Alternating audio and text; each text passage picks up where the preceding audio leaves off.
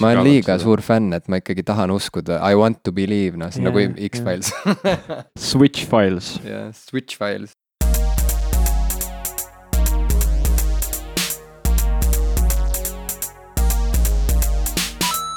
Tere, minu nimi on Ivo. tere, minu nimi on Jim. aa, ah, me tavaliselt ütlesime perekonnanimed ka või? no. vahet pole. tere, tere, sina oled Krustok. ja, ja sina oled Ashilevi. tere, mina olen Ashilevi. ja tere, see on saade ja tere, see on äh, mitte niisama saade, vaid podcast, mille pealkiri on. popkulturistid. tubli. meil on olnud paremaid algusi, ma ütlen kohe ausalt ära, aga see algus võib-olla polegi nii tähtis, tähtis on teekond või mis äh,? ei tea, kas see nagu podcast'ide puhul kehtib, elu puhul jah, okei okay., aga kui sa ikka alustad halvasti oma uut osa, siis inimesed hakkavad kuulama midagi, mis on, mis algab paremini mm.. nii et. ma loodan, et nad selle mõne sekundi elavad üle. ma ei usu, inimestel ei ole aega tänapäeval enam, ei ole aega raisata ah,. võib-olla tõesti. see on läinud tõesti. rong, vahet ei ole okay,. räägime no, siis on... üksteisega nüüd. nüüd räägime kahekesi. saade mulle see fail, kui saade on tehtud ja siis ma kuulan seda ja kiidan, kui tore saade. või laidad. või laidan. kõik on võimalik. aga võib-olla alustaks, et kui keegi üleüldse tahab kiita ja laita või midagi nagu kaasa rääkida, siis alati võib meile kirjutada popkulturistid.gmail.com. ma lihtsalt mm. ükspäev mõtlesin, et me võiksime seda äh, Rohkem korrata promo. ja, ja, ja, ja rõhutada, et äh, alati igasugune tagasiside teeb, aja, ajab meid elevile ja teeb rõõmsaks ja tekitab mõtteid. nii et kui teil on mingeid äh, häid küsimusi, kui teil on mingisuguseid soovitusi, me oleme, me oleme Ivoga siin üks suur kõrv. või neli väikest kõrva. või neli väikest kõrva väga, väga tore. kuule, aga sul on mingi sihuke nägu peas, et sa tahad kohe hakata laksima, milles, milles asi ma on? võta oma beats välja ja hakka pihta. ei, ma mõtlesin, et tegelikult äh, ma mainiks veel selle ära, et ma päris tihti käin iTunesis vaatamas, ega meile uusi review si pole kirjutatud mm. -hmm. kaks tükki on kirjutatud, need on mõlemad nii toredad lugeda alati, aga uusi pole kahjuks tulnud, sihuke ka jälle, võib-olla keegi tahab kirjutada okay,, siis ma jälle loen. et üleüldiselt survestasid praegu niimoodi umbisikuliselt, ebamääraselt praegu kedagi meie kuulajatest. ma lootsin, et me ei survestanud kedagi, aga no näed, ikka no,, ikka loetakse. isegi mina tundsin survet, ma natuke tundsin, et äkki ma peaks nüüd mingi võltskonto alt kirjutama ise meile review, et see rahulikum oleks. et sa oleksid veel rõõmsam. veel rõõmsam. et sa oleks veel ei, rõõmsam. ma ei saa olla enam rõõmsam. räägi, mis sind vaevab siis, miks sa ei saa olla rõõmus mind tegelikult vaevab natuke see, et äh, meile tuli pärast viimast saadet selline, selline, selline tagasiside, et sina olid rääkinud sellest, et Tim Ferris ei ole soolapuhuja, aga siis tuli, tuli vastukaja, et tegelikult on küll ja ma, ma olen alati väga, ma olen hästi tundlik nendele teemadele, sellepärast et ma ise olen hästi palju tegelenud noh, vahel ka aktiivsemalt oma elus nagu sellega, et ma, ma noh, püüangi nagu välja tuua seda, et on tõesti ühiskonnas või, või ütleme, maailmas selliseid inimesi, kes, kes räägivad mingitest nii-öelda jutumärkides tõdedest, mis, mis ei olegi tegelikult väga tõesed ja, ja kelle, kelle kuulamine võib isegi natukene kahjulik olla, et, et noh, kui ma nüüd mõtlen tagasi meie jutule Tim Ferrise kohta, siis ega tegelikult me seal ju väga teda ühte või teist viisi ei promonudki, et mina ausalt öeldes ei teagi, kes ta on ja, ja see mõte, mida sa tema puhul välja tõid, et, et see kirjutage oma, oma kolm sellist äh, asja päevas üles, mille eest te tänulikud olete, et see on ju tegelikult väga lahe ja hea mõte. ja, ja noh, väikse taustainfona siis äh, neile, kes eelmist saadet ei kuulanud või lihtsalt ei mäleta, sest näiteks magas saate ajal paljud inimesed kuulavad podcast'e näiteks, et uinuda, et äh, head ööd neile, kes praegu uinuvad seda kuulates, ilusaid unenägusid teile. äkki on ahi sisse jäänud äkki on ahi sisse jäänud. sa oled nii õel inimene. ma, lase, tead, ma arvan, et lase kõik see õelus välja endast, ma tahan okay. kuulda kõike seda, mille vastu sa oled kriitiline. ma lihtsalt täpsustuseks ütlen, et see Tim Ferris, et jaa, et ta ei ole mitte mingil juhul mu jaoks mingisugune teenäitaja ega, ega eeskuju, pigem mulle aeg-ajalt meeldib kuulata tema intervjuusid erinevate edukate ettevõtjatega, muusikutega, inimestega, kes on omas valdkonnas mingit edu saavutanud, sest et nende intervjuude teema on alati see, et mis on sinu edu võti või mis on mm -hmm. need praktikad, mida sa järgid, mis on aidanud sind, mis on aidanud sul olla produktiivsem ja tublim ja tervem ja nii edasi.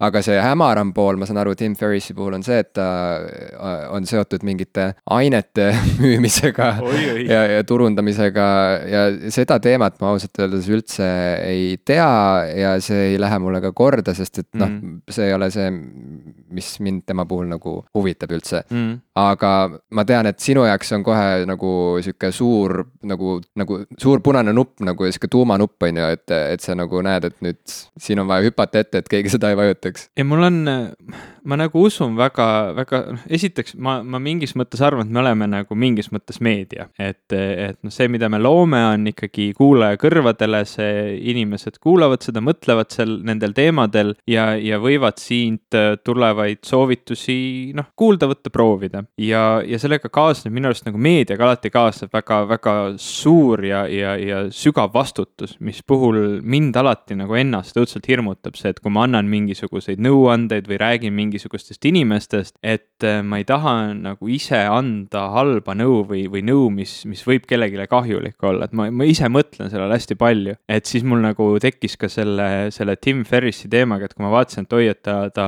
promob mingisuguseid siukseid mõistust ergutavaid kemikaale või asju, mis, mis on olnud juba tegelikult mitmeid aastaid selline teema, et võib-olla noh, inimesed teavad igasuguseid mõistust ergutavaid kemikaale, no see kofeiin on, on kindlasti üks, üks võib-olla kõige populaarsemaid ja kindlasti väga, väga tõestatud toimega. aga, aga nende, nende kemikaalide seas on veel igasuguseid muid ravimeid ja, ja mitteravimeid, mida siis inimestele soovitatakse äh, mõn-, mõningate, mõningate teiste inimeste poolt ja, ja ütleme nii, et mina isiklikult ei julge küll nagu oma sellist äh, noh, ütleme meie saates seda, seda nagu soovitusena välja anda või kui siis nagu disclaimer, et, et kindlasti võib Tim Ferrisel olla väga häid intervjuusid ja, ja mitmed tema nõuanded võivad paljudele korda minna, sest need, need aitavad neid kuidagi, et inimesed leiavad seal enda jaoks midagi, mis, mis neile toimib, aga, aga kui inimesed, kellel ei ole Äh, pädevust äh, või, või näiteks arstikraadi või, või midagi kirjutav, soovitavad teistele mingeid ravimeid võtta, et siis ma oleksin küll pigem ettevaatlik mm. -hmm. ühes osas ta reklaamis seenekohvi, muide, sa mainisid, et kohv on äh, tõestatud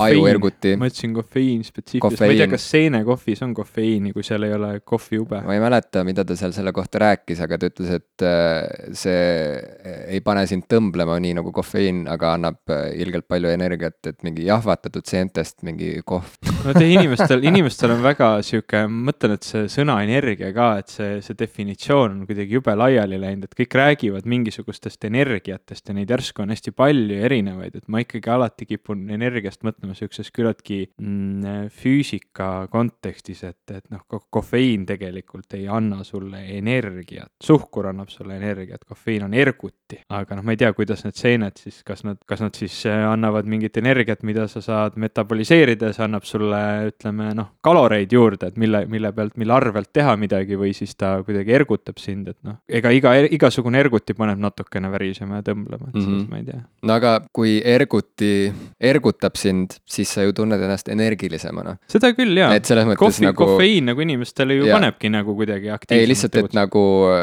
selgita siis, mis see eristus sinu jaoks täpsemalt on, et energia ja e-, ergutus, et need on nagu noh, et need ei ole sünonüümid, on ju mm, -hmm. aga need on ju seotud igatpidi või, või kuidas? kas saab olla energiat, mis ei erguta?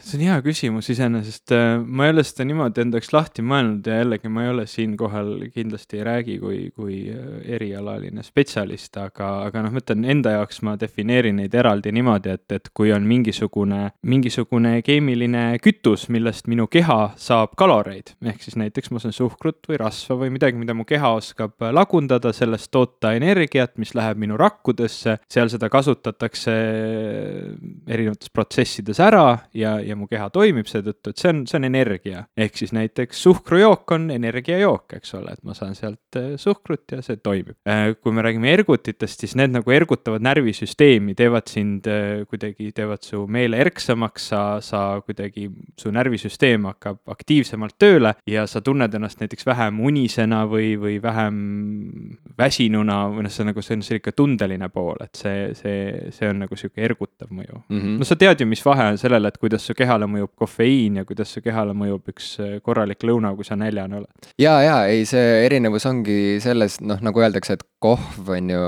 et juues kohvi sa laenad energiat oma mm -hmm. järgnevate tundide arvelt mm -hmm. kuidagi. ehk siis, et ergutad oma närvisüsteemi, aga närvisüsteem selleks, et olla erksam, peab ju kuskilt Äh, saama kütust mm. selleks mm., eks ole, nii et ta nagu võtab selle energia kõik kasutusele kiiremini, kui ta oleks muidu seda teinud. ühesõnaga, ta kasutab selle päevavaru, ütleme nagu mm. kiiremini ära lihtsalt ja tegelikult sa ei saa kuskilt juurde energiat, vaid lihtsalt see, see leek põleb lihtsalt äh, eredamalt äh, mõnda aega, eks mm. ole, ja päeva lõpuks sa oled lihtsalt natuke rohkem toss, kui sa muidu oleksid olnud. et see energia hulk, mis sulle oli antud selleks päevaks, see kogus lihtsalt saab rutem otsa, mm. on ju no põhimõtteliselt ja ütleme, see on sihuke hästi lihtsustatud asi, sest tegelikult ka näiteks suhkur mõjub ergutavalt lisaks sellele, et ta annab energiat, noh, meie keha, keha on äh, harjunud sellega, et suhkur on hea, suhkur on väga selline äh, kiire ja, ja tugev energiaallikas. meie keha on programmeeritud suhkrut tahtma, nii et kui sa näiteks oled pikka aega pole suhkrut saanud, su keha hakkab seda tahtma ja, ja tihtilugu seda, kui sa seda sööd, siis see annab sulle ka sellise ergutava mõju, et jess, õigesti tegid, väga hea, söö mm -hmm. veel, et, äh, et see on nagu kõik selline selline keha biokeemia, millesse, millesse pole mõtet hetkel ilmselt laskuda. aga kas sa seda asja oled uurinud, et miks tee ja kohv nii erinevalt mõjuvad, kuigi mõlemad sisaldavad ju kofeiini, mis on see mm. põhitoimeaine mm.. miks see on nii, et kohv teeb närviliseks ja paneb tõmblema ja tee on pigem tuntud kui selline nagu rahustav jook? jah ähm.... et äh, kui see toimeaine on sama, siis kas asi on selles, et sõltuvalt sellest joogitüübist see see kofeiin siis kuidagi imendub verre nagu teise tempoga või, või mis asja? see on, ma ei, ma ei ole selle kohta nagu väga sügavuti uurinud, ma tean, et, et eh, mida ma olen nagu lugenud või kuulnud ja ma ei julge seda praegu hetkel kinnitada, võib-olla keegi oskab kirjutada, täpsustada, et, et tõesti teest see kofeiin imendub kuidagi aeglasemini või see mm., selle mõju on aeglasem, aga mina isiklikult küll ei peaks teed kuidagi nagu rahustavaks joogiks, et, et minule, minule isiklikult mõjub tee täpselt samamoodi nagu kohvi mm -hmm. või kohv, kui keeleliselt olla. ja ei, tee, et ka mina tean ka, ka oma kogemusest, et tee, tee mõju võib olla väga erinev, sõltuvalt mm. sellest, mis tüüpi teed sa jood ja, ja, ja kui palju ja, ja millal ja nii edasi. aga miks sa ikkagi nii närviline oled, me oleme nüüd siin natuke auru välja lasknud, ma vaatan, sa oled ikka närvis. mille, millest see tige nägu, kas see eneseabi teema ikkagi kuidagi ei anna rahu sulle või? vist natuke mitte jah, igasugune selline eneseabi teema on mul alati väga, väga kuidagi, millegipärast kuidagi torkinud mm, -hmm. et ma ei ole suutnud võib-olla seda enda jaoks nagu õigesse raamistikku panna ja tihtilugu need asjad, mis sealt tulevad, on pigem sellised, mis panevad mind vahel võib-olla natuke silmi pööritama või, või vahel isegi natukene hirmutavad mind, et, et mida need, mida sellised, sellised asjad meie ühiskonna kontekstis võivad tähendada või kaasa tuua või sellised mõtted ja, ja see nagu paneb, paneb mind vahel muretsema. ma saan aru, miks äh, inimene võib olla murelik, sellepärast et eneseabiraamatuid võetakse vahel liiga tõsiselt või et inimesed selle asemel, et minna arsti juurde, näiteks pöörduvad mingisuguse eneseabi või mingisuguse esoteerika poole mm.. ühesõnaga tellivad endale kuskilt mingi kivikese selle asemel, et minna ja lasta lihtsalt endale teha mingi protseduur, mis nagu nagu kindlasti nagu teda raviks, on ju. et ühesõnaga sellest ma saan aru, kuidas selle pärast saab olla murelik, aga kas sul on olnud mingit nagu reaalset kokkupuudet eneseabi maailmaga, ütleme eneseabikirjandusega, äh, mingeid konkreetseid juhtumeid, kus sa tunned, et vot siin nüüd on nagu asi halvasti või, või et see läks nüüd valesti, noh, et saad sa aru, et on sul olnud mingit isiklikku kokkupuudet, mis ei ole nagu seotud mingi üldise sihukese nagu mm. halvakspanuga või skeptilisusega, vaid otsese kokkupuutega mingi konkreetse autoriga või mingi eneseabipraktikaga, mis sa tead, et on bullshit, aga näed, et inimesed võtavad tõsiselt ja see mõjub halvasti? Äh, isiklikku, noh, ütleme mitte selles suhtes isiklikku kokkupuudet ei ole olnud, et ma ei ole kasutanud äh, näiteks, ähm, kui me, noh, siin on ka erinevaid äh, valdkondi, et võib-olla natuke täpsustame, et kui me räägime eneseabist, mis on suunatud otseselt näiteks füsioloogiliste haiguste raviks, et ma ei ole nendest raamatutest kunagi midagi võtnud, mis, mida ma olen ise siis praktikas praktikas kasutanud, et minu nägemus üldiselt on see, et kui minu kehal on midagi viga ja mul on vaja spetsialisti abi, siis ainuke spetsialist, keda ma oma kehaga seotud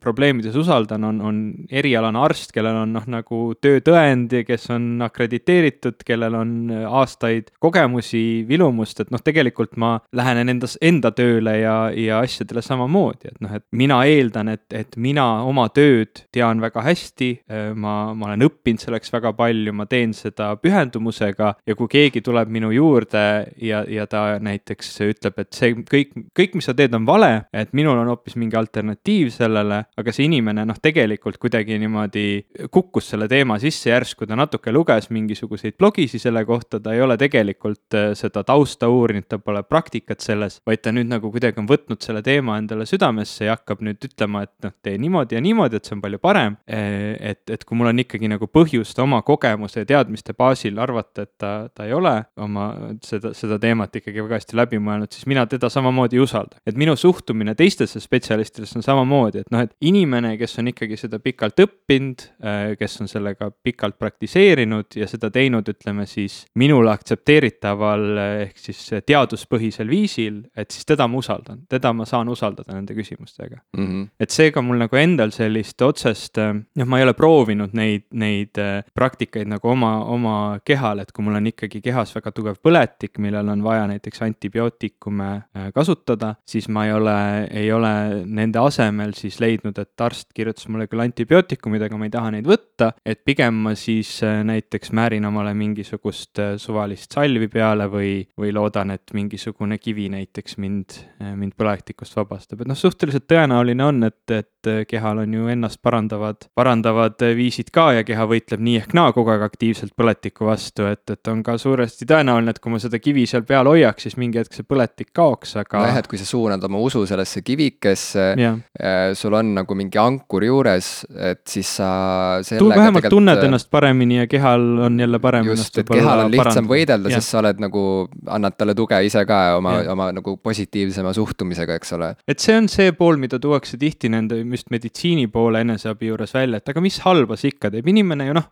usub sellesse, ta tunneb ennast seetõttu paremini ja, ja see otseselt ei toogi midagi halba kaasa. et noh, mõnes mõttes ma olen ka nõus, et kui, kui see inimesele mingit tuge pakub, aitab tal elada, siis, siis tegelikult see ongi parem. aga probleemid tekivad siis, kui, kui tõesti neid, neid praktikaid kasutatakse päris arstide usalduse langetamiseks ja, ja suunatakse inimesi päris meditsiinilistelt protseduuridelt, mida tegelikult vahel on neil väga vaja, suunatakse nii-öelda alternatiivsete praktikate poole, et noh, näiteks kui inimene, keda oleks võinud päästa noh, vähkkasvajast äh, ei saa õiget ravi ja, ja läheb mingi alternatiivi poole, noh, ta sureb ära siis tõenäoliselt või, või see haigus läheb tal kehas laiali, enne kui ta saab selle ravi. või kui lastele näiteks ei anta antibiootikume, sest on kuuldud halbusid jutte sellest, mida kõik antibiootikumid teevad või, või samamoodi vaktsiinid, eks ole, et kui lapsi ei vaktsineerita, on see tegelikult mitte ainult sellele lapsele halb, vaid, vaid kogu ühiskonnale tegelikult väga halb. kusjuures äh, jah, noh, eneseabi, esoteerika, need teemad kõik äh, niimoodi põim-, põimuvad ja lõikuvad ja jooksevad paralleelselt tihtipeale ja seal kõrval tegelikult on ka religioon vahetevahel mm..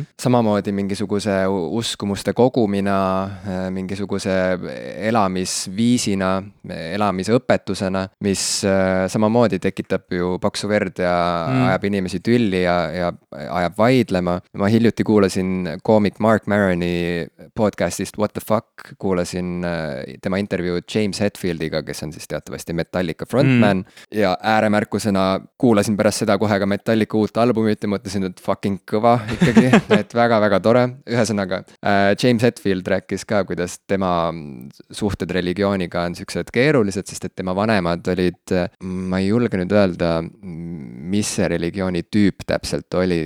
Äh, see vist oli mingi kristluse erivorm mm. -hmm pead ei anna, aga igal juhul, et seal oli mingisugune põhimõte, mida ta vanemad järgisid, mis oli meditsiini suhtes väga tõrges ja sihuke mm -hmm. skeptiline. et see põhimõte nägi ette, et Äh, kui sa jääd haigeks, siis äh, sa pead uskuma kuidagi, et sa mhm. saad terveks ja siis su keha ise, noh, just see, mida sa rääkisidki -hmm. keha ise saab hakkama. ja kuna ta vanemad väga rangelt järgisid seda põhimõtet, siis Hetfield noh, nägi kõrvalt põhimõtteliselt, kuidas ta vanemad lihtsalt lahkusid siit elust, kuigi nad oleksid võinud mm -hmm. meditsiinilise sekkumise abil elada kauem, eks ole, et ta jäi oma vanematest ilma sellepärast ja see oli tema jaoks lõpuni nagu mõistetamatu mm, -hmm. et, mhm. et noh, miks ja no see ongi nagu väga huvitav, et miks inimesed ikkagi siis usuvad asju, mida ju ei tohiks uskuda nii-öelda ja siit me tegelikult jõuame vaikselt äh, ja üsna sujuvalt tegelikult meie järgmise teemapunktini, teemapunktini, milleks ongi ju see faktijärgne ajastu.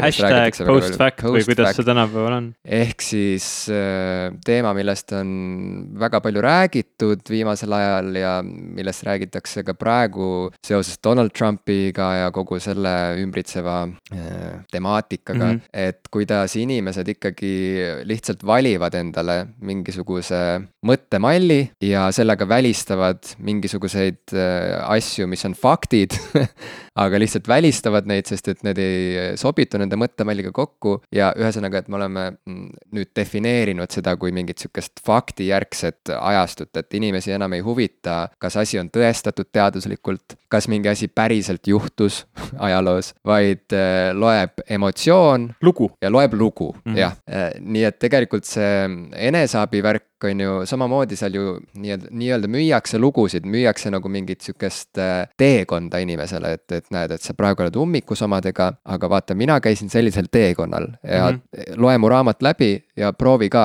et võib-olla see aitab sind. ja võib-olla aitabki, mina olen lugenud äh, küll mõnda eneseabiraamatut, mis on nagu, et, et ma üritan tõmmata maha oma sellist nagu kirjanduskriitiku seda heeblit mm -hmm. ja vaadatagi neid, vaadatagi seda lihtsalt kui kellegi blogi, ütleme noh, et, mhm. et keegi võttis ette mingi projekti, näiteks äh, sihuke raamat, mille ma leidsin ühest lennujaamast kunagi. autor on Gretchen Rubin ja raamatu pealkiri on The Happiness Project. ja selle raamatu sisu on see, et, et Gretchen Rubin selle raamatu kirjutamise ajal oli siis vist kahe väikse lapse ema ja abielus oma, oma mehega, kellel oli ka mingisugune keeruline haigus, millel noh, pidi olema nagu sihuke, mille tõelised nagu sellised kahjulik, mille tõeline kahjulik toime alles pidi avalduma nagu tulevikus nagu vananedes ja nii edasi. No et ta püüdis katsetada ja proovida erinevaid äh, elamisviise, mis aitaksid tal nagu väärtustada elu helgemaid osi niimoodi, et need äh, ka kuidagi püsivamalt tema sihukest nagu vastuvõtlikkust õnnetundele või tema sihukest nagu rahulolu suurendaks. ja ta tegi igasuguseid asju, äh, ta koristas oma kodu ära ta, ma ei tea, tegi mingi hea arhiveerimissüsteemi oma erinevatele paberitele, dokumentidele, riietele, asjadele, proovis erinevaid, äh, ma ei tea, võttis ette, võttis mingeid ülesandeid endale peale, et, et ma nüüd see see kuu näiteks pühendun sellele, et ma, ma ei tea, teen oma lähedastele head või teen neile midagi, mida nad päriselt vajavad ja mõtlen nagu, et võtangi ülesandeks nagu teha midagi, teha mingeid nagu mingeid positiivseid siukseid nagu liigutusi kellegi teise heaks ja nii edasi. et tal oli nagu vist iga kuu oli erinev ülesanne ja eks see kõik ju kokku kokku oli sihuke noh, võta või jäta või arva sellest mm., mida sa tahad, aga noh, see oli kellegi katsetus ja, ja seal midagi on ka ägedat nagu, et see on ju väga-väga lahe, kui inimene võtab ette ja katsubki nagu kuidagi noh, elada paremini ja paneb selle kirja niimoodi, et sellest võiks kellelegi teisele ka kasu olla, on ju. et nüüd kahtlaseks lähebki, on ju siin selles punktis, kus noh, inimesed hakkavad võtma seda aseainena millelegi, mida tegelikult ei tohiks asendada millegi mm. muuga, on ju. ja siin ongi väga keeruline keeruline, rääkides nüüd hüpates tagasi sellesse post-fact temaatikasse, et, et väga keeruline on üleüldse inimestel tegelikult äh, tõestada üksteisele seda, et mis on päriselt tõsi. mitte ainult üksteisele, vaid et üldse ja, öelda, et, miski on tõsi, ütleme tead-, teaduses on, on väga selge, et tegelikult me ei saagi kunagi sada protsenti kindlalt tõestada, et mis on, et miski on nii, nagu ta on, vaid, vaid me saame kõrvaldada viise, kuidas ta tegelikult ei ole. seda me saame, me saame kontrollida, kas mm -hmm. asi on nii või ei ole mm. -hmm. aga öelda, et miski nüüd kindlalt on nii, on, on väga raske teada. jah, sest noh, ajalugu on selliseid vastuolusi ja vaidlusi täis, on ju. mingid riigid vaidlevad siiamaani nagu mingite teemade üle, mis on lihtsalt nagu sajandeid kestnud, mingid teemad, on ju. räägime siis kas seal Palestiinast ja Iisraelist, räägime kasvõi Eesti-Vene sellest piirileppest, on ju. igalühel on oma versioon tõest, on ju, ja keegi ei taha taganeda ja siis ongi see, et okei okay,, mida me siis teeme, et kas kellelgi on ajamasin, on ju, lähme kõik koos sinna, vaatame, kuidas siis oli, on ju. noh, et kuna seda ei saa teha, siis hakkabki pihta sihuke teoritiseerimine mm., kellel on paremaid tõendeid, kellel on vähem veenvaid tõendeid, kõik. kes on parem kõneleja. kes on jah, kes on veenvam mm., no ja nüüd hiljuti ju, kui Donald Trump äh, pidas oma sellise presidendiks saamise kõne, on ju, siis äh, ilmus meedias neid aerofotosid sellest äh, väljakust Valge Maja ees, kus võrreldi siis rahva hulkade suurust Obama selle samasuguse inauguration tseremoonia ajal ja, ja Trumpi ajal ja, ja siis äh, Trumpi pressisekretär, eks ole, hakkas äh, meediaga, hurjutas meediat kuidagi, et esitate valesid fakte ja nii rahvarohket äh, inauguration tseremooniat pole siiani kunagi veel olnudki, kui oli see, on ju. ja siis on noh, need pildid, kus on näha, et mm. vahe on suur, on ju. noh, ja jällegi, kui sa oled valinud mingi mõttemalli ja sa oled juba ette veendunud, et meedia on kallutatud mm, -hmm. siin on mingisugused kahtlased huvid mängus mängus, loomulikult saab selliseid pilte ju ülilihtsasti Photoshop ida lihtsalt no,, noh. igaüks, no kümneaastane laps saab sellega hakkama, on ju. et, et ongi, et kus on siis see tõde või kes, kes on see, noh, et kes saaks kes olla meie see. keppi käes. kes hoiab seda tõekeppi käes, kuna seda inimest lihtsalt ei ole, siis tundub, et on jube raske tegelikult ikkagi noh, hoida ka oma lähedasi libastumast, ütleme näiteks liiga sügavale mingisugusesse eneseabi maailma, kus asjad lähevad juba väga kahtlaseks, on ju, kus mm. ongi, et, et selle asemel, et võtta antibiootikume, mis on noh, ma saan aru, ma võin respekteerida seda, kui inimene ei taha võtta antibiootikume mm. -hmm, aga noh, et kui see läheb nagu kaugemale veel, ütleme, kui tulebki see James Hetfieldi case kus äh, su oma lähedased inimesed, sa näed, kuidas nad surevad su silme all ja sa tead, et see ei pea nii olema, aga nad on lihtsalt võtnud selle endale pähe, et, et see on see õige viis, kuidas elada, jumal ütles või, mulle nii. või sa hirmutad äh, noori lapsevanemaid, mis on tänapäeval väga, väga levinud, et sa hirmutad inimesi, kellel on äsja sündinud beebid ja räägid sellest, kuidas äh, sinu valikud neile anda ravimeid, mida arstid välja kirjutavad, rikuvad selle lapse elu ära, võivad ta tappa, on talle mürgised ja sa võid tegelikult selle, selle väikse lapse elu väga väga oluliselt ohtu seada, kui tal tekibki näiteks noh, okei okay,, eks ole, selle mingi väikese külmetuse olekski, olekski täiesti vabalt üle elanud ja see ei oleks mitte midagi olnud ilma, ilma ravimiteta. aga tal tekib mingi väga tõsine põletik kopsudes, mis iganes ja, ja ta on, ta on riskigrupis ja ta ei pruugi, ta ei pruugi seda üle elada. just, see on see vaktsineerimise teema, eks ole, mille puhul ma tean ka, et sul on nagu, sul on väga kindlad seisukohad mm. selle suhtes ja, ja samas ma tean, et äh, ka minu tutvusringkonnas on, on ka väga suurt nagu skepsist sellist äh, kogu selle ravimitööstuse suhtes, ütleme üldse nagu, et vaktsineerimine, noh, just see, mida sa just rääkisid mm., et, et vaktsineerimine on tegelikult osa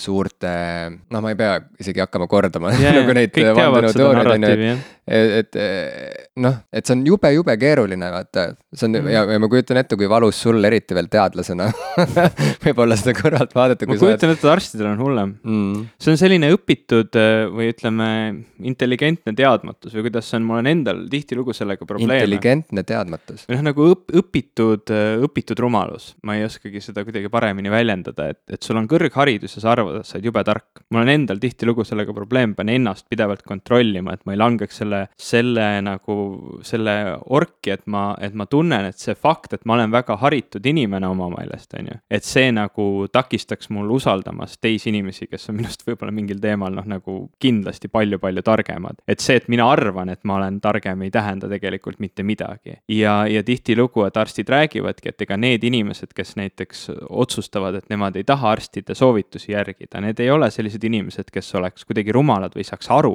et miks neid on vaja teha, vaid, vaid nad arvavad, et nad on targemad, nad arvavad, et nad on haritud inimesed, nad on lugenud väga palju, nad on kuulanud igasuguseid alternatiivseid arvamusi, nad on piisavalt targad, et ise otsustada noh, näiteks nende asjade üle. ja noh, loomulikult, ega iga inimene tahabki ise otsustada oma, oma elu asjade üle, oma laste üle, oma pere üle, aga aga on palju asju, mis, millel lihtsalt neil ei ole võimekust üldsegi neid asju otsustada ja selleks meil ongi tegelikult ühiskonnas spetsialistid. mina ei tahaks näiteks, et mina otsustaksin, kuidas ehitada kõrgmaju. see oleks nagu ääretult halb, kui mina ütleksin, et no ma ei tea, et ma olen näinud, et tavaliselt vist betoonist tehakse, eks ole, et, et ma ei tea, et pange siis nagu mingid paneelid püsti ja, ja siis paneme sinna noh, mingi katus ka peale ja küll ta seisab, eks noh, see, see ei ole hea. isegi kui ma loeksin internetist mingeid blogisid ja raamatuid ja, ja, ja nagu hullult luge-, loeksin selle kohta kuskilt mingitest suvalistest allikatest, isegi siis ma ei tahaks, et mina, eks ole, seda maja üles ehitaksin. ja ma usun, et mitte keegi ei tahaks seal majas ka elada. et selles suhtes ma nagu tegelikult tõmbaksin natukene siin seda piiri, sealjuures ka, et kui me räägime sellest eneseabist ja kui me räägime nagu sellest, mis osas inimesed tahavad nagu kontrolli oma elu ja oma otsuste üle võtta. et mul on natuke nagu kahju, et, et see eneseabi kõik on kuidagi nagu ühte potti läinud, et noh, see on ka arusaadav, et kui me räägime vaimsest tervisest, kui me räägime füüsilisest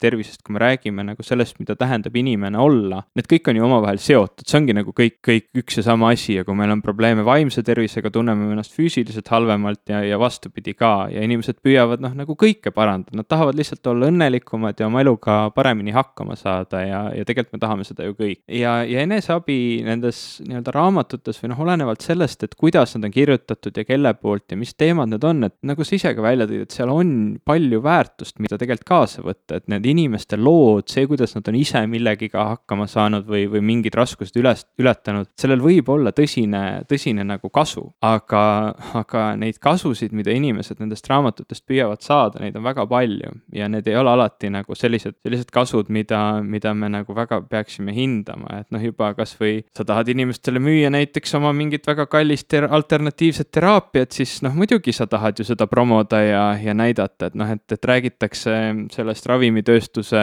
kongl-, konglomeraadist, kes meid kõiki kontrollib ja, ja see äri, mis on meeletult suur ja miljardid dollarid ja kes, kes tahavadki, et me haiged oleksime. noh, sealsamas kõrval ei ole mitte palju väiksem alternatiivraviäri, kes tahab, et me nende asju ostaksime. vitamiiniäri, igasugused toidulisandite äri, alternatiivsed meditsiiniseadmed, mis iganes, see on, see on meeletult suur äri ja samamoodi miljarditesse dollaritesse ja globaalne korporatiivne äri. seal on, seal on väga sügavad ärihuvid, et sa ei usuks arste, samamoodi nagu, nagu vastupidi. et, et ma nagu tahaks, et tegelikult tegelikult inimesed nagu võtaksid kuidagi need asjad nagu mõnes mõttes lahku, et, et loomulikult on kasu sellest, kui sa loed sellest, kuidas keegi inimene nagu otsib õnne ja, ja püüab seda leida. aga võtta nüüd tõsiselt seda, et näiteks keegi inimene otsustas, et temal antud juhul näiteks mingi haigus läks ära seetõttu, et ta tegi mingit alternatiivset asja, ei käinud arstil. et võtta seda nüüd selle tõe pähe, et, et tõesti, mina peaksin ka samamoodi käituma, et see ei ole noh, see ei ole lihtsalt mõistlik, sest sa ei tea kunagi, mis sellel inimesel tegelikult oli või, või, või kuidas ravimid oleks toiminud või, või mida, noh, sa, sa lihtsalt ei tea selle kohta mitte midagi mm. -hmm. et see nagu, see mind vahel kõige rohkem hirmutabki, sest noh, olgem ausad, inimeste enda valikud on nende enda valikud ja selles täiskasvanud inimest ei saa kuidagi süüdistada. ja ma olen ise ka aastatega väga noh, üritanud eemale tõmmata nendest teemadest, need ikkagi vahel torgivad mind ja, ja ma nagu püüan ennast tagasi hoida, et nendest mitte väga, väga seletada ja sõpru kaotada ja vihaseks teha ja mingeid tüütuid Facebooki vestlusi pidada, sest noh, ma ütlen, inimesed teevad ise oma otsused, nad on täiskasvanud inimesed. Ja sa ei saa, sa ei saa inimesi ümber veenda faktidega see on see post-fact maailm, nii ehk naa ei saa, sa ei saa inimesi ka vaieldes ümber veenda, tegelikult sa süvendad nende äh, arvamust. kui sa inimesega vaidled, sa teed tema enda äh, arvamust tugevamaks mm. -hmm ja, ja see nagu, ma olengi nagu sellest nagu tagasi ennast tõmmanud, aga, aga üks asi, mis mind alati siiamaani on nagu väga-väga torkima jäänud ja milles ma tihtilugu nagu ei oskagi kuidagi seda,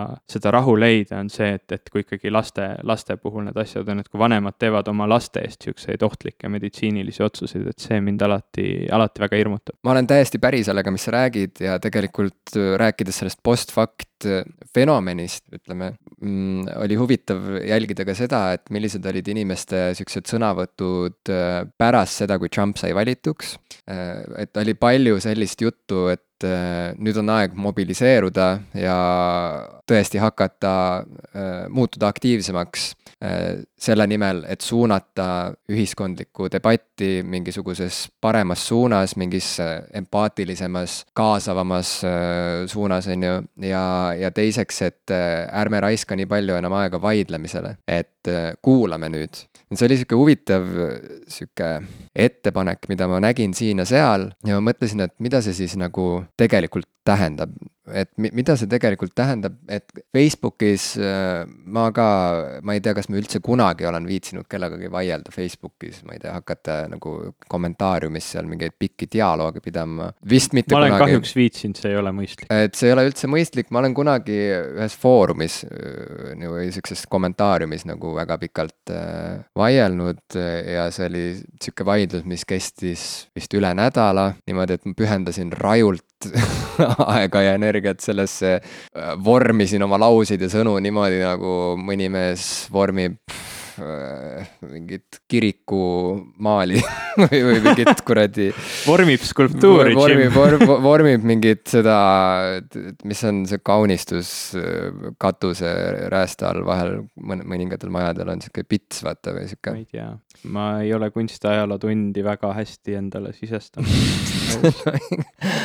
no igal juhul, äh, et, et ma panin, panustasin jube palju sellesse ja mõtlesin, et see viib kuhugile. ja see lihtsalt viis aina sügavamale sinna auku nagu, et see, see lihtsalt viis lähemale nagu yeah. läbipõlemisele. et see on täiesti õige, et vaieldes, vaidlus ei ole nagu tulemuslik äh, vestlusvorm tegelikult. vaidlus on alati sihuke ähm, oma seisukoha kaitsmine kuidagi iga hinna eest ja kuidagi sihuke oma eneseuhkuse kaitsmine ja, ja nii edasi, et see on sihuke sihuke nagu rindade kokku nagu põrgatamine, sihuke nagu kummisrindade, et, et kui mitte, mitte nagu naiste rindade kokku põrgatamine nagu Pamela Anderson Baywatchis, kui ta jooksis või, või noh, mitte nagu nii, vaid okay.. mul on nüüd mingid pildid peas. vaid, vaid ma pidasin silmas jah, sihukest nagu no äh, ma ei teagi enam, mida silmas, mul on need, need rinnad on nagu, silmas. pigem see julge hundi rind, mis on rasvane, mida tuleb kokku taguda, et sihuke, sihuke tugev rind, mida, et näidata oma, oma, oma võimu teise üle, et nagu mm..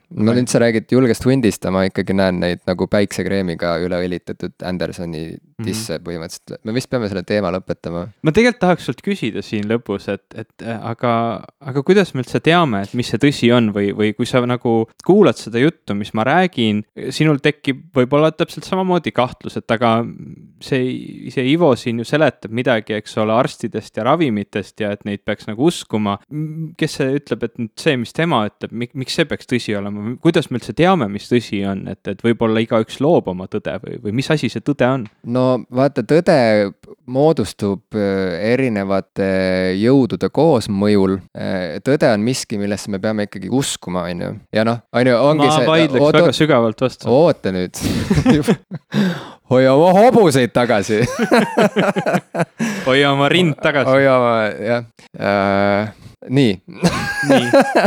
et, et ma tahtsin öelda seda, et, et see ongi see post-fact'i probleem, et tõde on ikkagi, tuleb välja, et tõde on asi, millesse sa pea, et ei piisa ainult sellest, et sul on tõde, vaid see, sinna peab juurde käima ka sinu usk sellesse, sest muidu sa ei võta seda tõde tõsiselt, sa usud midagi muud selle asemel ja, ja ongi kõik. noh, et, et see on see, millest me oleme varem ka rääkinud, et, et on see nagu reaalsus, mis on nagu päriselt see mingi alusreaalsus ja siis on see tõlgendus, millega me sellele läheneme erinevate inimestena, on ju. ja kuna kõigil on nii palju erinevaid neid oma tõlgendusi, siis me kogu aeg kraaklemegi ja sõdime ja oleme tülis. et noh, halvemal juhul, et, et see ongi see probleem ja see post-fact'i ajastu on selles mõttes nagu väga sihuke normaalne, sihuke infoajastu häda selles mõttes, et meil ei ole mitte kunagi olnud nii suurt hulka infot käepärast iga sekund, ükskõik mis teema kohta. ja paratamatult inimeses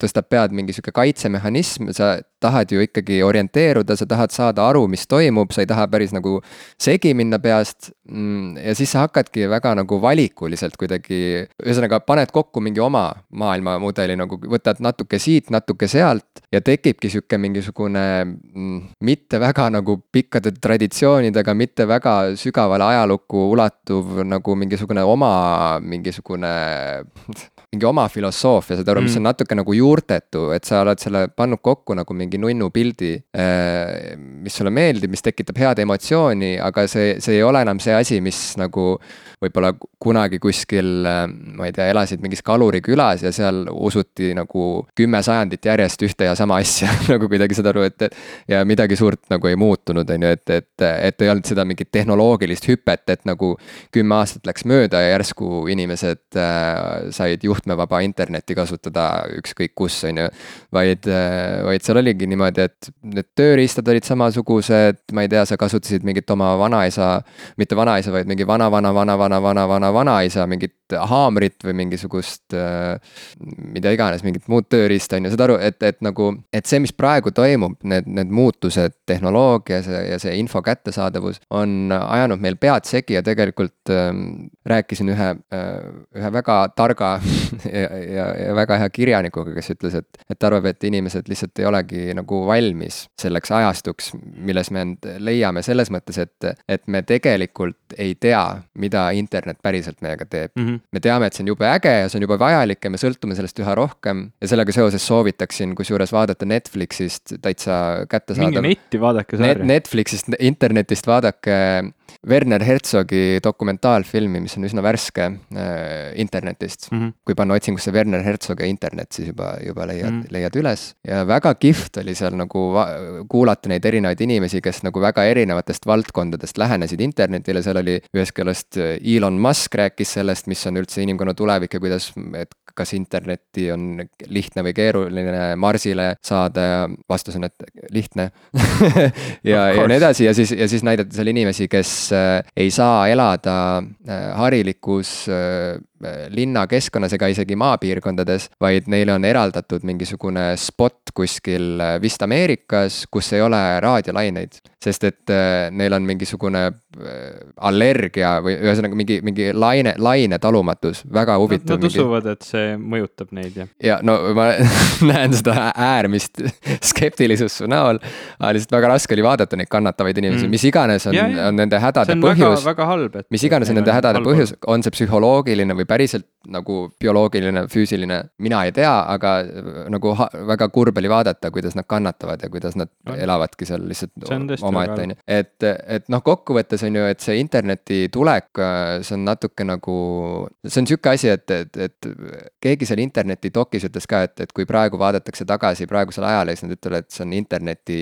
see tume ajastu või see pime ajastu mm.. ja noh, ta seostas seda sellega, et, et see on puhtalt sellepärast, et, et interneti algusest ei jää alles mingeid nagu dokumente ega asju, et, et me ei näe, kuidas see kõik nagu arenes või mis mm, -hmm. mis otsuste tagajärjel ja nii edasi, et, et need interneti alustalad pandi paika emaili teel ja noh, et see kõik kaob et ja nii edasi. kompame alles. ja me alles, aga noh, samas kui seda laiendada, seda mõtet, siis tõepoolest ongi tume aeg selles mõttes, et, et ega me ei tea, mis, mis supervõime see praegu meile nagu sülle langes ja mida see päriselt meiega teeb ja me näemegi mingeid imelikke asju, mis juhtub, et ongi, et, et me näeme, kuidas valitakse president USA-s, kes ei ole kõige populaarsem, aga kes mm., kes ikkagi nagu võidab, sest et nagu see süsteem kuidagi nagu lasi sellel juhtuda ja inimesed olid väga šokeeritud, sest et tuleb välja, et me elamegi täiesti erinevates infomullides mm. -hmm. ja ühed tarbivad ühte versiooni tõest, teised teist ja mõlema jaoks see on võrdselt tõene mm. -hmm. kuigi tegelikult ju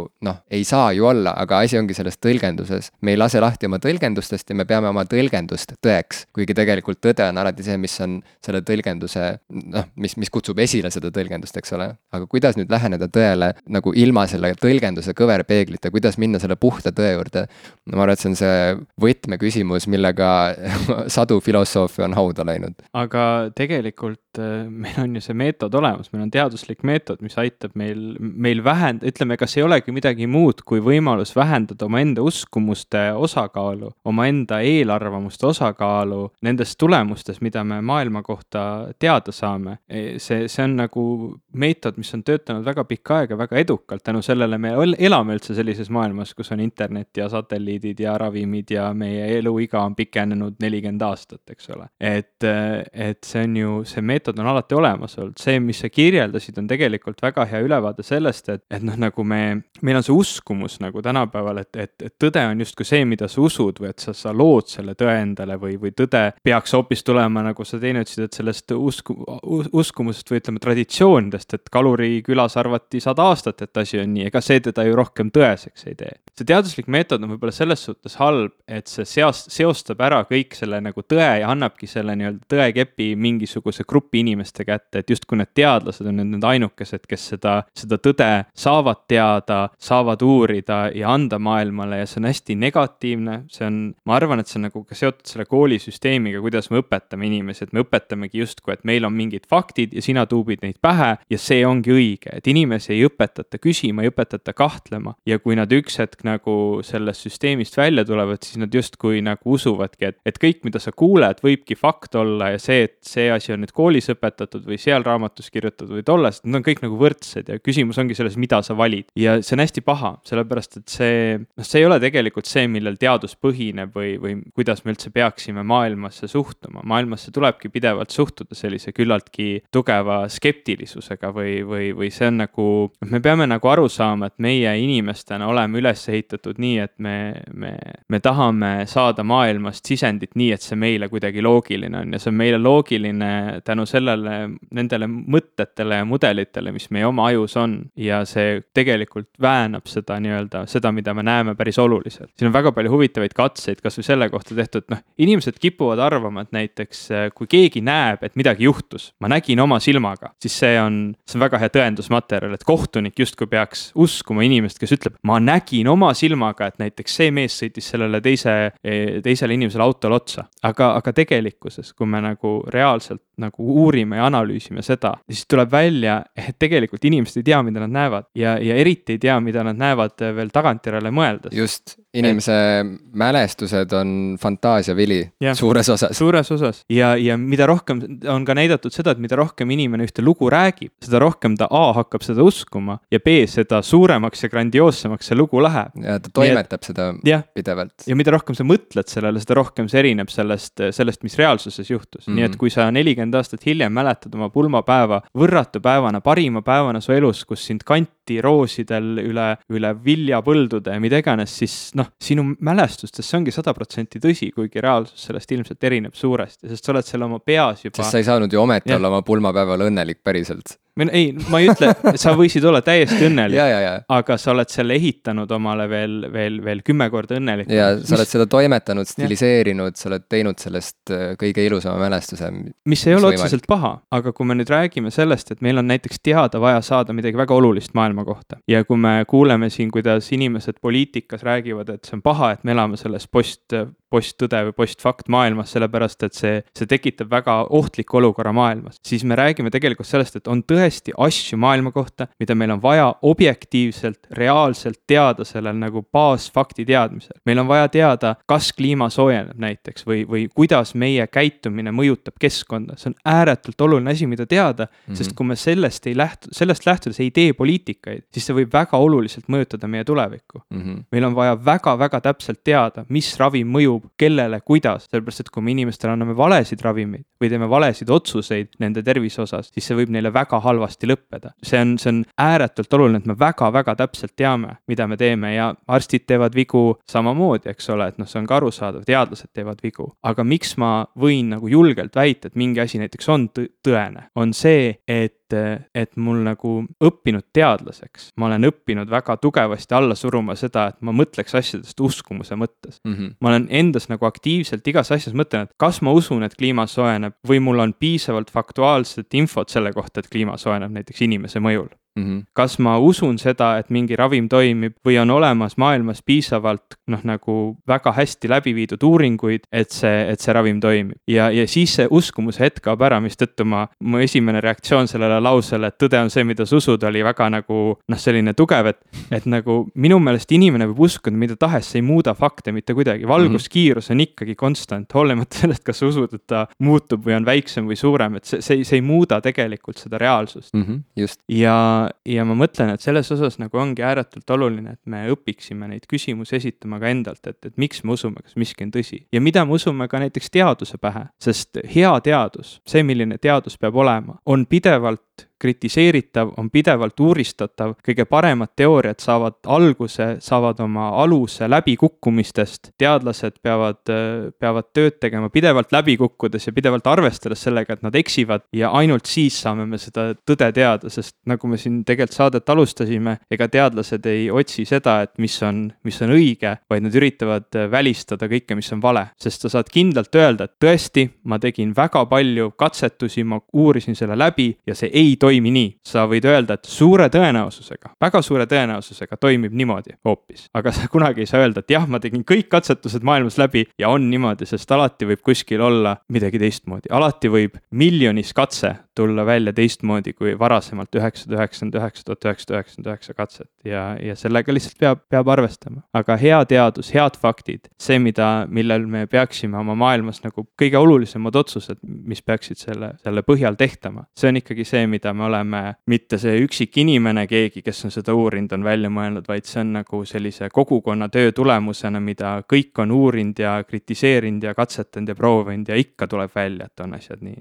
et see noh, et see on see alus, millest, millest nagu ma, ma leian, et on väga oluline lähtuda. ja see on see, miks noh, see nii-öelda posttõde või postfakti maailm nii paljusid hirmutab, et kui me läheme jällegi narratiividele üle, kui me läheme selle, selle mõtetele, kes räägib kõige ilusamat juttu või, või kelle, kelle lugu tundub kõige toredam meile, et siis me tegelikult teeme endale väga suure karuteene mm. -hmm. aga siiski selle teema lõpetuseks tsiteeriksin Laur Kaunissaare laulurida ühest lastelavastusest. maailm on jutt, ta räägib, aga millest väga hea kuule, aga kas sa vaatasid Nintendo Switchi esitlust? ma pean ausalt ütlema, et ma seda esitlust ei vaadanud.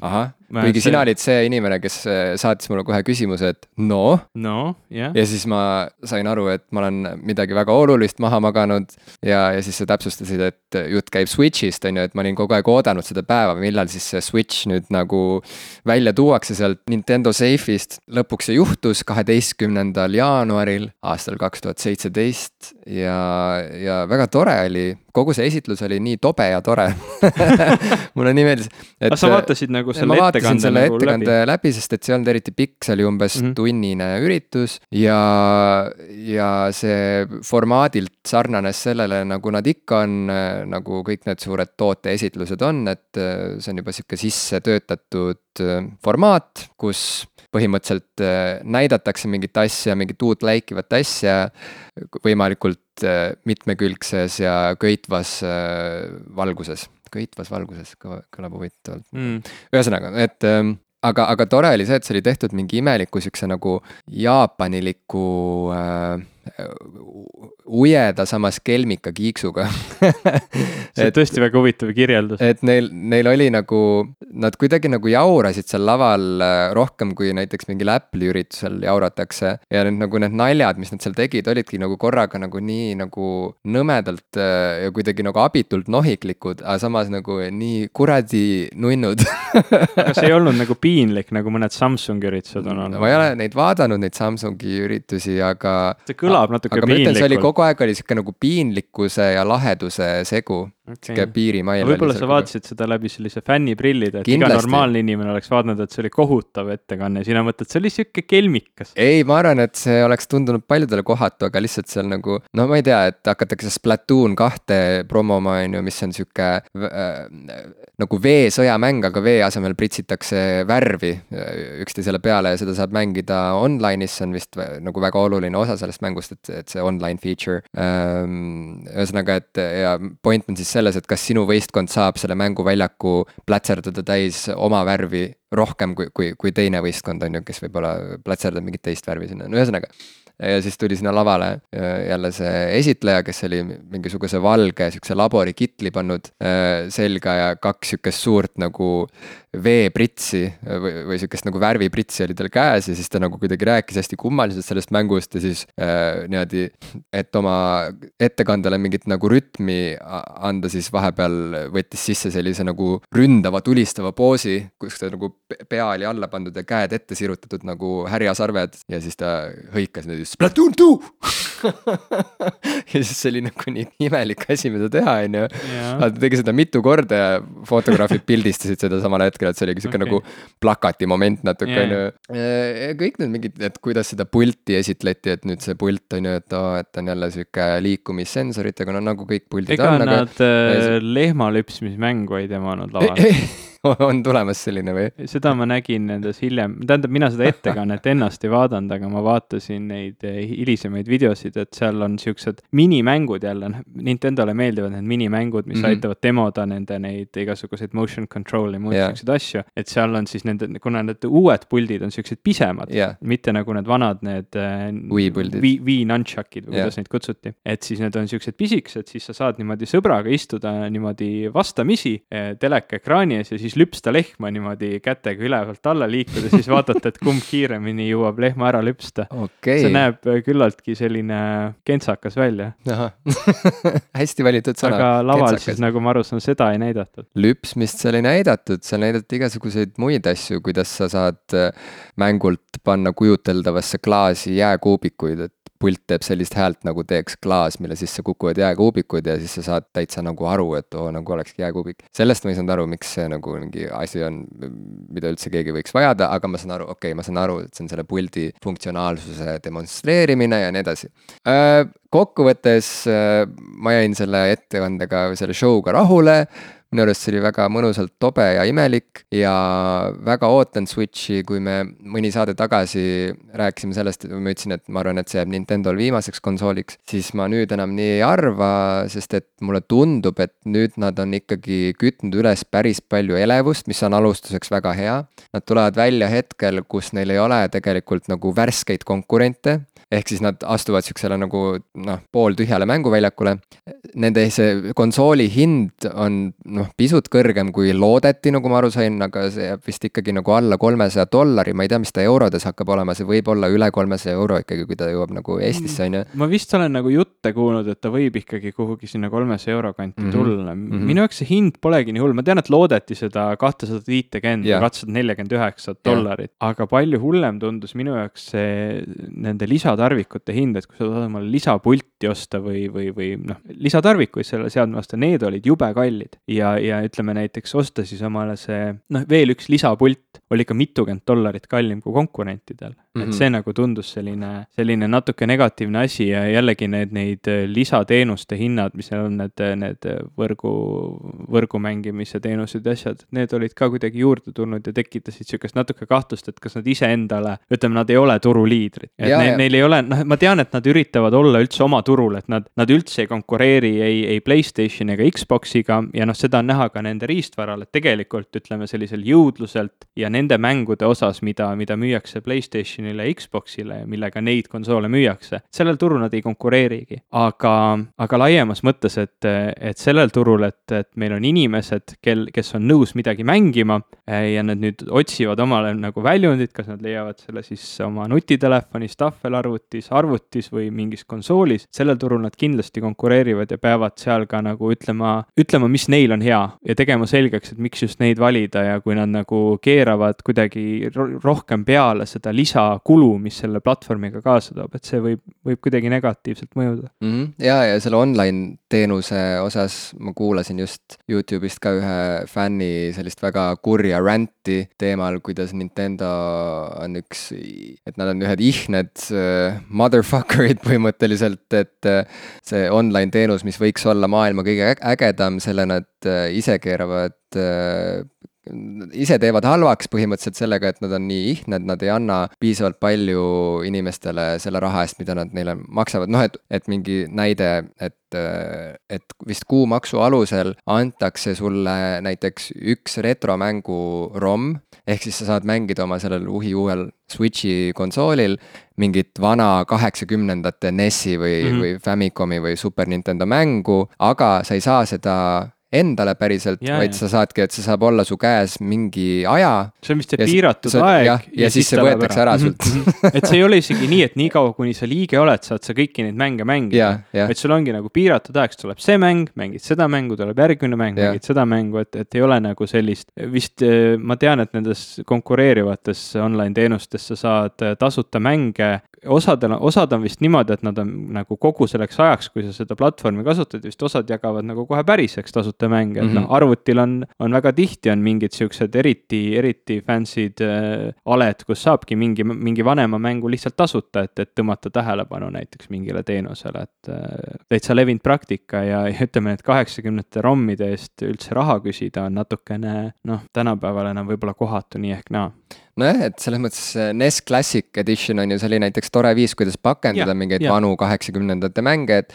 et anda mingisugune lisapõhjus inimestele äh, selleks, et ikkagi käia välja raha, on ju. ja mängida neid toredaid mänge oma full HD telekal, kuhu oli varem väga keeruline seda vana konsooli ühendada. jah, et äh, no eks näis, mis kogu sellest online osast saab, ma ei ole sellesse nii tohutult ka süvenenud mind ausalt öeldes huvitab ikkagi pigem rohkem, et milline see konsool välja näeb, kuidas ta nagu töötab ja mis mängud seal on ja praegu alustuseks küll ju noh, see Zelda mäng ajab ikka küll elevile. ma õudselt tahaks, et seda tuleks PC peale, aga ei tule kindlasti lihtsalt ma vaatasin neid videosid ja mõtlesin, et oi kui tore mul oleks seda oma arvutis mängida aga miks sa mõtlesid, et oi kui tore oleks seda arvutis mängida, miks sa ei tahaks seda proovida selle konsooli peal?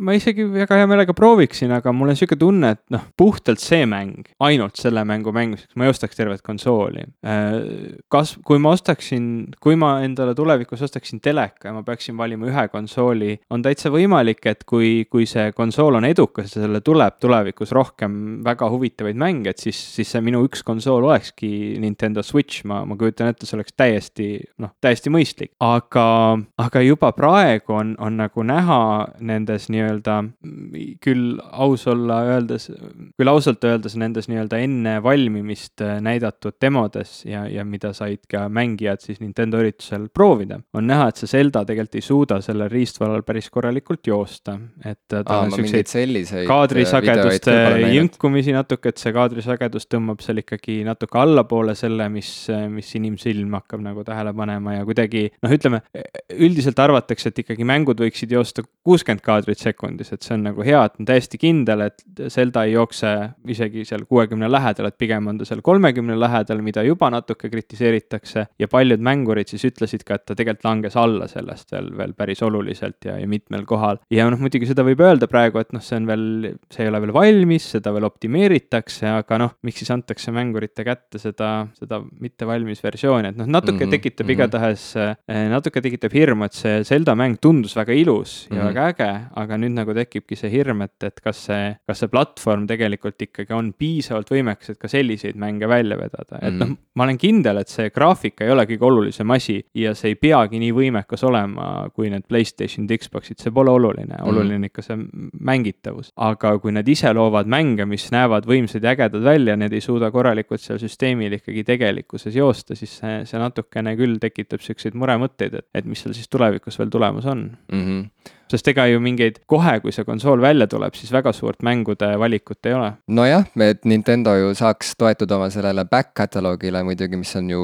üüratu, aga iga uue konsooliga me ootame ju seda, et tuleks ikkagi nagu terve suur hulk mingeid värskeid äh,, värskeid mänge. Mario kartist ja... tuleb ju mingi nii-öelda remaster, et ei tulegi täiesti uut Mario karti, mis on natukene kuidagi mm -hmm. nukker. okei okay,, no nüüd sa nüüd jah, veits teed mind nagu kurvemaks kurvemaks ja murelikumaks ise ka, aga samas ma ütlen sulle, et äh, ma ei usu, et Nintendo nii hullult pange paneb, ma arvan, et nad olid nagu nii halvas seisus, et no nad pidid mõtlema asju nagu väga-väga täpselt nüüd läbi. ja kui nad, kui, ja kui nüüd see Zelda Breath of, Breath of the Wild, mis on ju nende nagu number üks müügiargument alustuseks, kui see nüüd ei jookse nende uue konsooli peal, no come on, see on, ma arvan, et see, see olekski nagu mingi Nintendo ajaloo suurim fopaa põhimõtteliselt, et nagu noh, et, et no nii, nii ju siis ei saa ju ei saa, ei saa. Nintendo nii ei saa ju. Nintendo nii ei saa ju. et ma kuidagi ei usu seda neist, et saab siis näha, kui see nüüd märtsis müügile tuleb, mina igal juhul äh, kogun raha et alustuseks äh, tuua koju saatan ehk siis teler teler on saatan mina oleksin Kellel on juba saatan. teleri ostnud võib-olla vist Ja- ja..., kui meil oleks siin kohta, kuhu seda panna, aga Mm. need ei ole ja võib-olla siis, kui teler on saatan, siis võib-olla ongi parem, ma ei tea. jällegi oleneb sellest, vaata, mis on sinu see maailmavaade, võib-olla see on väga tore, et saatan tuleb sulle koju, see kõik sõltub, sina oled vana metallimees, vaata mm. See ei ole sulle nagu nii mõistmatu kontsept Ja, ja. tegelikult üldse, ma arvan. Robert Johnson ja nii-öelda üle maailm, üle või ütleme või, võimatult head bluusimänguoskused või, või mis iganes, et rock n roll sai alguse saatanast või? no muidugi, ristteel sai saatanaga sõlmitud leping mm. Anti kolm tilka verd ja nii edasi. ja, ja. ja nüüd me kõik kuulame, Spotify on lahti, mõnus, mõnus. kuulata saatana. millal sa viimati kuulasid Robert Johnsonit? ühes, ühes kohvikus mängis ma paar, nädalat tagasi. millal ma ei. kuulanud Robert Johnsonit, ütle mulle no., millal ma ei kuulanud teda? aga et siis sa nüüd mõtled, et, et järgmine, järg, aeg oleks siis saatan ka oma koju sisse lasta võimalusega mängida suurel ekraanil toredaid mänge. jah, ja tegelikult, kui niipidi sellele vaadata, et ma olen valmis saatanale ukse avama kodus selle nimel, et uut Nintendot proovida, siis no võib küll öelda, et ma olen väga lootusrikas selle uue konsooli osas, sest kui nad nüüd mind alt veavad, oi, siis ma olen küll tige. aga sul on, sul on varsti laps ju ka õiges vanuses, et temaga koos näiteks Nintendo mänge mängida, ma ei tea, kas sa seda toredat eh, parental controls videot nägid, kus siis demoti, demodi seda, et millised võimalused on vanematel piirata oma laste mänguvõimalusi. ei, ma seda ei näinud, aga selle teemaga seoses mulle meenub kohe see hetk, mis juhtus paar nädalat tagasi kodus, kus mu kaheaastane tütar, nüüd kahepoolene, võttis voodi pealt mu Nintendo 3DS-i, liikus sellega voodi ääre poole ja ma mõtlesin, ma proovin seekord nii, et ma ei ütle talle midagi. Ja siis ta lihtsalt viskas selle pauguga vastu maad ja vaat see oli nagu ränk. see oli ränk aga siis mulle meenus, et, et ma olen vaadanud mingeid videoid selle kohta, kuidas Nintendo DS-i disainides oli selle eestvedaja nagu peamine, üks peamiseid juhiseid see, et see peab olema masin, mis talub kukkumist, et inimesed hakkavad seda pillama. Ja siis ma lihtsalt nagu noh, hoidsin nagu pöidlaid pihus, et palun, ma loodan, et see, see 3DS ka, et see kehtib ka selle puhul ja siis see läks edasi ikkagi, see ikkagi töötab aga no sihukest asja, ega ma, ütleme üle kolme korra elus inimene ei suuda vaadata sellist vaatepilti. Jim, lapsed on, lapsed on oma loomult nagu teadlased, nad katsetavad maailmaga, uurivad, vaatavad, mis juhtub, nad, nad viskavad midagi maha, lõhuvad asju, võtavad neid koost lahti, et näha, mis seal sees on, kuidas asi kukub, mis seal toimib, see on, see on väga hea, et nad seda teevad, ära keela oma lapsel maailma avastada. ei, ei, ega ma ei keelagi, et ma lihtsalt äh, olen väga range selle osas, et kuidas, kuidas ta võib seda 3DS-i puudutada Yeah. Aga ma olen talle näidanud seal Pokemoni mänge ja siis ta ongi nagu öelnud, et ta tahab Pokemone püüda vahele.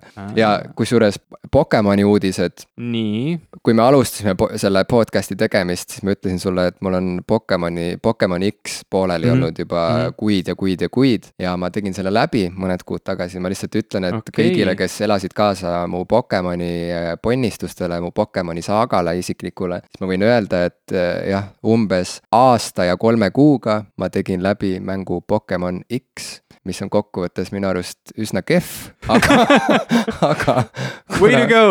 kuna ma ei suuda asju pooleli jätta, sest nad jäävad kripeldama, siis äh, pidin selle lõpuni tegema. okei, kui keegi tahab saada seda mängu, siis võtke minuga ühendust, ma võin selle väga soodsalt müüa ära.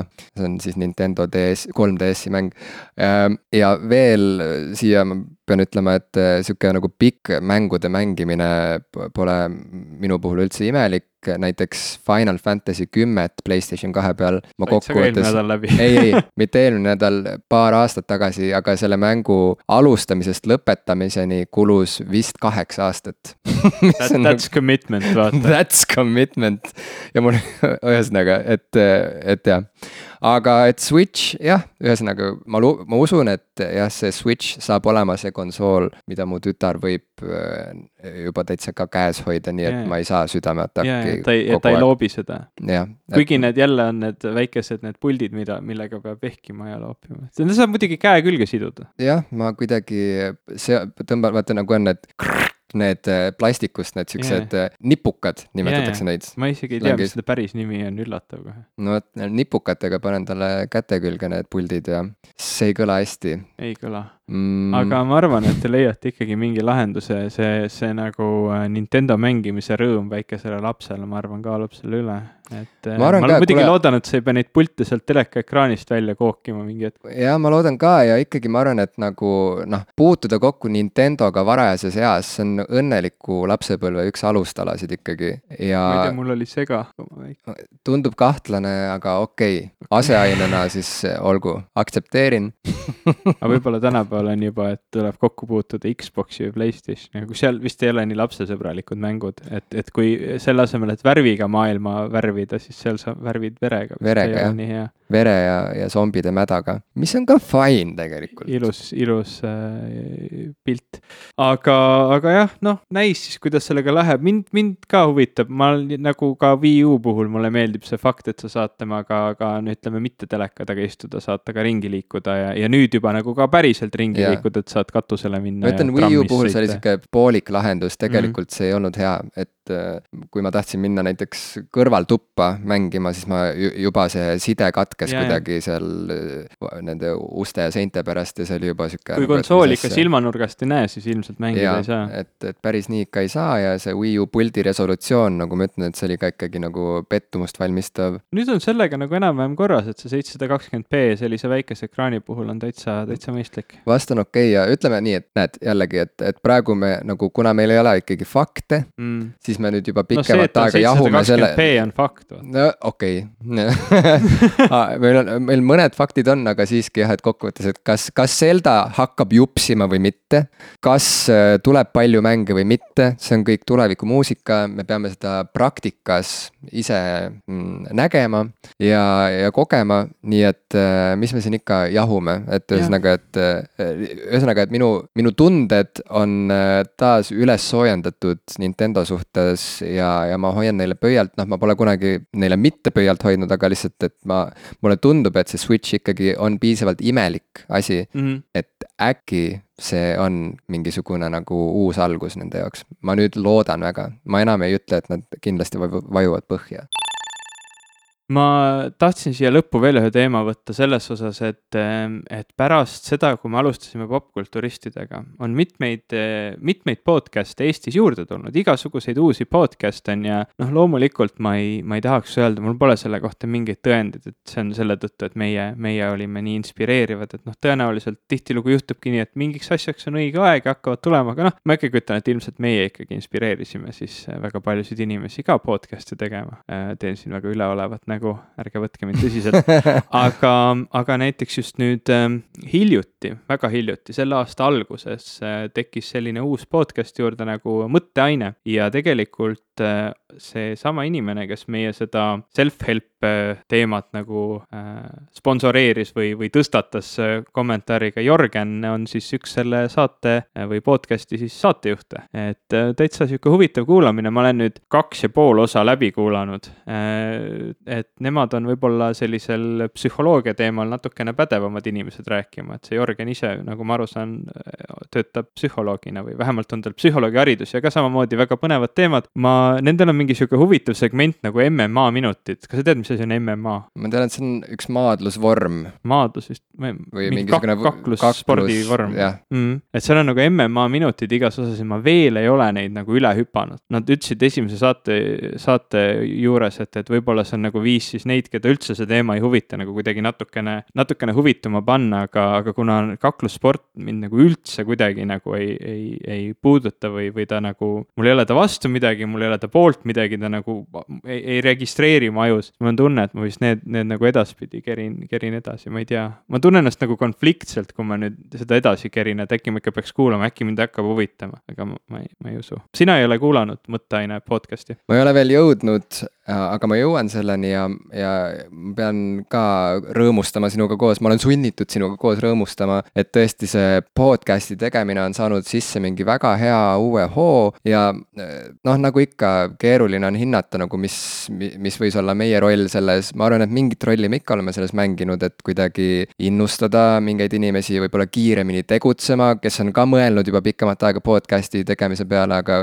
võib-olla lihtsalt lükkasid seda kogu aeg edasi, et um, kui meie vaba mikrofoniga ühel päeval alustasime, popkulturistide vaba mikrofon juhtumisi lihtsalt sattus mm. nii, et siis tundus, et me oleme kuidagi jubedad siuksed äh, avangardistid või noh, selles mõttes, et no on ju, et oleme, oleme seal äh, kuidagi nagu sammu võrra ees, aga tuleb välja, et me astusime sama sammu äh, väga siin palju. väga paljudega, kes mm., kes väga lühikese aja jooksul äh, samamoodi alustasid kõige no, sellega. ega ülbe ei tasu olla, podcast on Eestis ju ammu, ammu, ammu, ammu, ammu tehtud, kümme aastat tehtud, aga kuidagi tundub, et praegu on nagu selline jälle mingi kõrgaeg või neid tuleb nagu juurde. jah, ja no lihtsalt nagu kümme aastat tagasi inimesed ei käinud ka ringi nutitelefonidega, kõrvaklapid peas niimoodi, nagu nad praegu seda teevad, et praegu on see, see kuulamisharjumus on, on muutunud, et podcast'e on väga mugav kuulata ükskõik kus ja, ja ükskõik millal ja see on väga tervitatav ja teine asi, mis seostub podcast'ide tegemisega, on tegelikult seesama äh, rahastusplatvorm Patreon mm., patreon.com, kus ka meie oleme ja kus meil on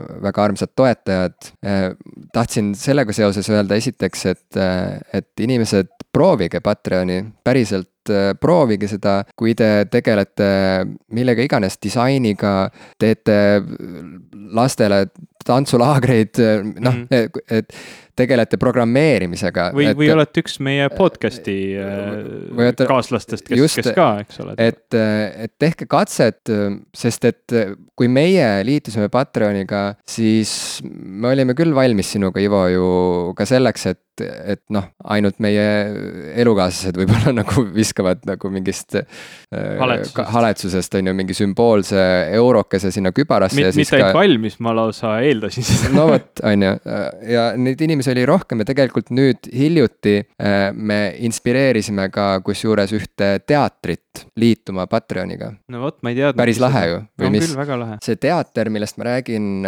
on teater nimega MIM stuudio hmm., M-I-M stuudio Äh, vaadake nende lehte Patreonis, äh, nad on väga värskelt selle äh, platvormiga liitunud ja seal nad tutvustavad ennast väga põhjalikult, et kes nad on. ka mina olen nende tegemistes kaasa löönud, põhimõtteliselt see on selline nagu kunstnike, etenduskunstnike, aga ka programmeerijate, muusikute, videokunstnike sihuke grupeering Äh, sõpruskond, kes teeb koos väga huvitavaid asju. Äh, alustades sellest, et nad teevad mingit äh, imelikku eksperimentaalteatrit koos, lõpetades sellega, või miks, miks lõpetada, jätkates sellega, et seal toimuvad mingid kummalised luuleüritused, kus arvutiprogrammi abil luuakse, tegeletakse tekstiloomega, no ühesõnaga, et arvuti ise luuletab ja, ja inimesed saavad seal üles astuda, ka mina olen seal üles astunud äh, väikse luulekavaga. noh, Tallinna kesklinnas Vabaduse väljaku ääres nad tegutsevad ühes keldris Kaarli puiesteel, vist kui täpsem olla. ja, ja ühesõnaga tuld tiibadesse MIM stuudio mm.. mul on hea meel, et te tegite, astusite selle sammu, sest et see on küll esimene teater Eestis, kes liitub Patreoniga, on ju. ega Eestis selge. neid, neid, kes on sellega liitunud üldse on vist väga vähe. jaa, Eestis on neid väga vähe. kõige see edukam on kusjuures Life of Boris. Väga ägedad videod, mulle väga meeldivad. aga, aga ma arvan küll, et nagu mida rohkem meid on seal mm seda rohkem me ka äh, levitame infot selle kohta, et, et selline platvorm üldse on olemas, et on ja. olemas mingisugune alternatiiv, ütleme, hooandjale ja Kickstarterile näiteks.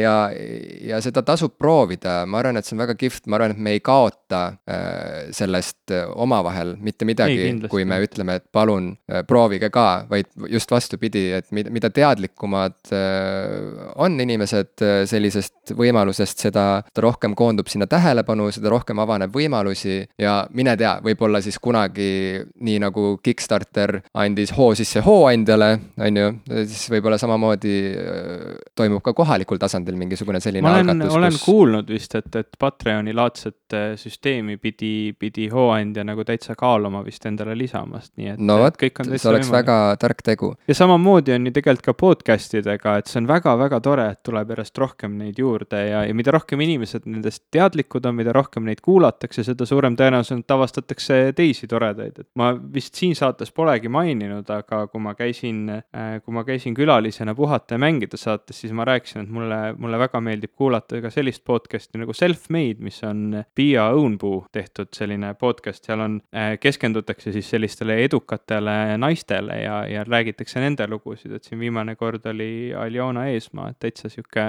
väga-väga tore saade, et mulle, mulle väga meeldis. Ja noh, muidugi globaalsed eestlased ka täitsa sihuke tase omaette, et väga-väga-väga sellised mõjusad ja, ja head intervjuud. täiesti nõus, täiesti nõus. me olemegi jõudnud punkti, kus äh, Eestis tehakse juba piisavalt palju ägedaid ja äh, omanäolisi podcast'e mm., et lausa on tekkinud mingisugune valik ja ongi nii, et äh, mõne puhul lausa nagu ootad seda järgmist osa. et, et ma olengi subscriber, ma oot-, ma rõõmustan, kui mulle tuleb sinna podcast'i kuulamisprogrammi teade, et uus osa on üles äh, laetud. ühesõnaga, see on olukord, mida ei eksisteerinud aasta tagasi mm.. nii et äh, see on väga-väga kihvt ja tehke ka on võib-olla äge sõnum lõpetuseks. tehke ka podcast'e või tehke midagi muud toredat, proovige Patreoni, ühesõnaga oluline on teha, mitte lõputult mõelda sellest, et võiks teha. mina oleksin ka jäänud lõputult mõtlema, kui Ivo sa poleks öelnud, et hakkame tegema podcast'i ja sealt see ratas veerema läks, nii et see on nagu väga kihvt. nii et kui sul on vaja tõuget, lõpetada mõtlemine ja, ja hakata tegutsema, siis siin see on. me anname selle ja. tõuke nüüd siin praegu. jah, hakake tegutsema. hakka pihta, hakka tööle, võta klapid peast ja hakka tööle me räägime tõsiselt praegu äkki jäi ahi sisse kurat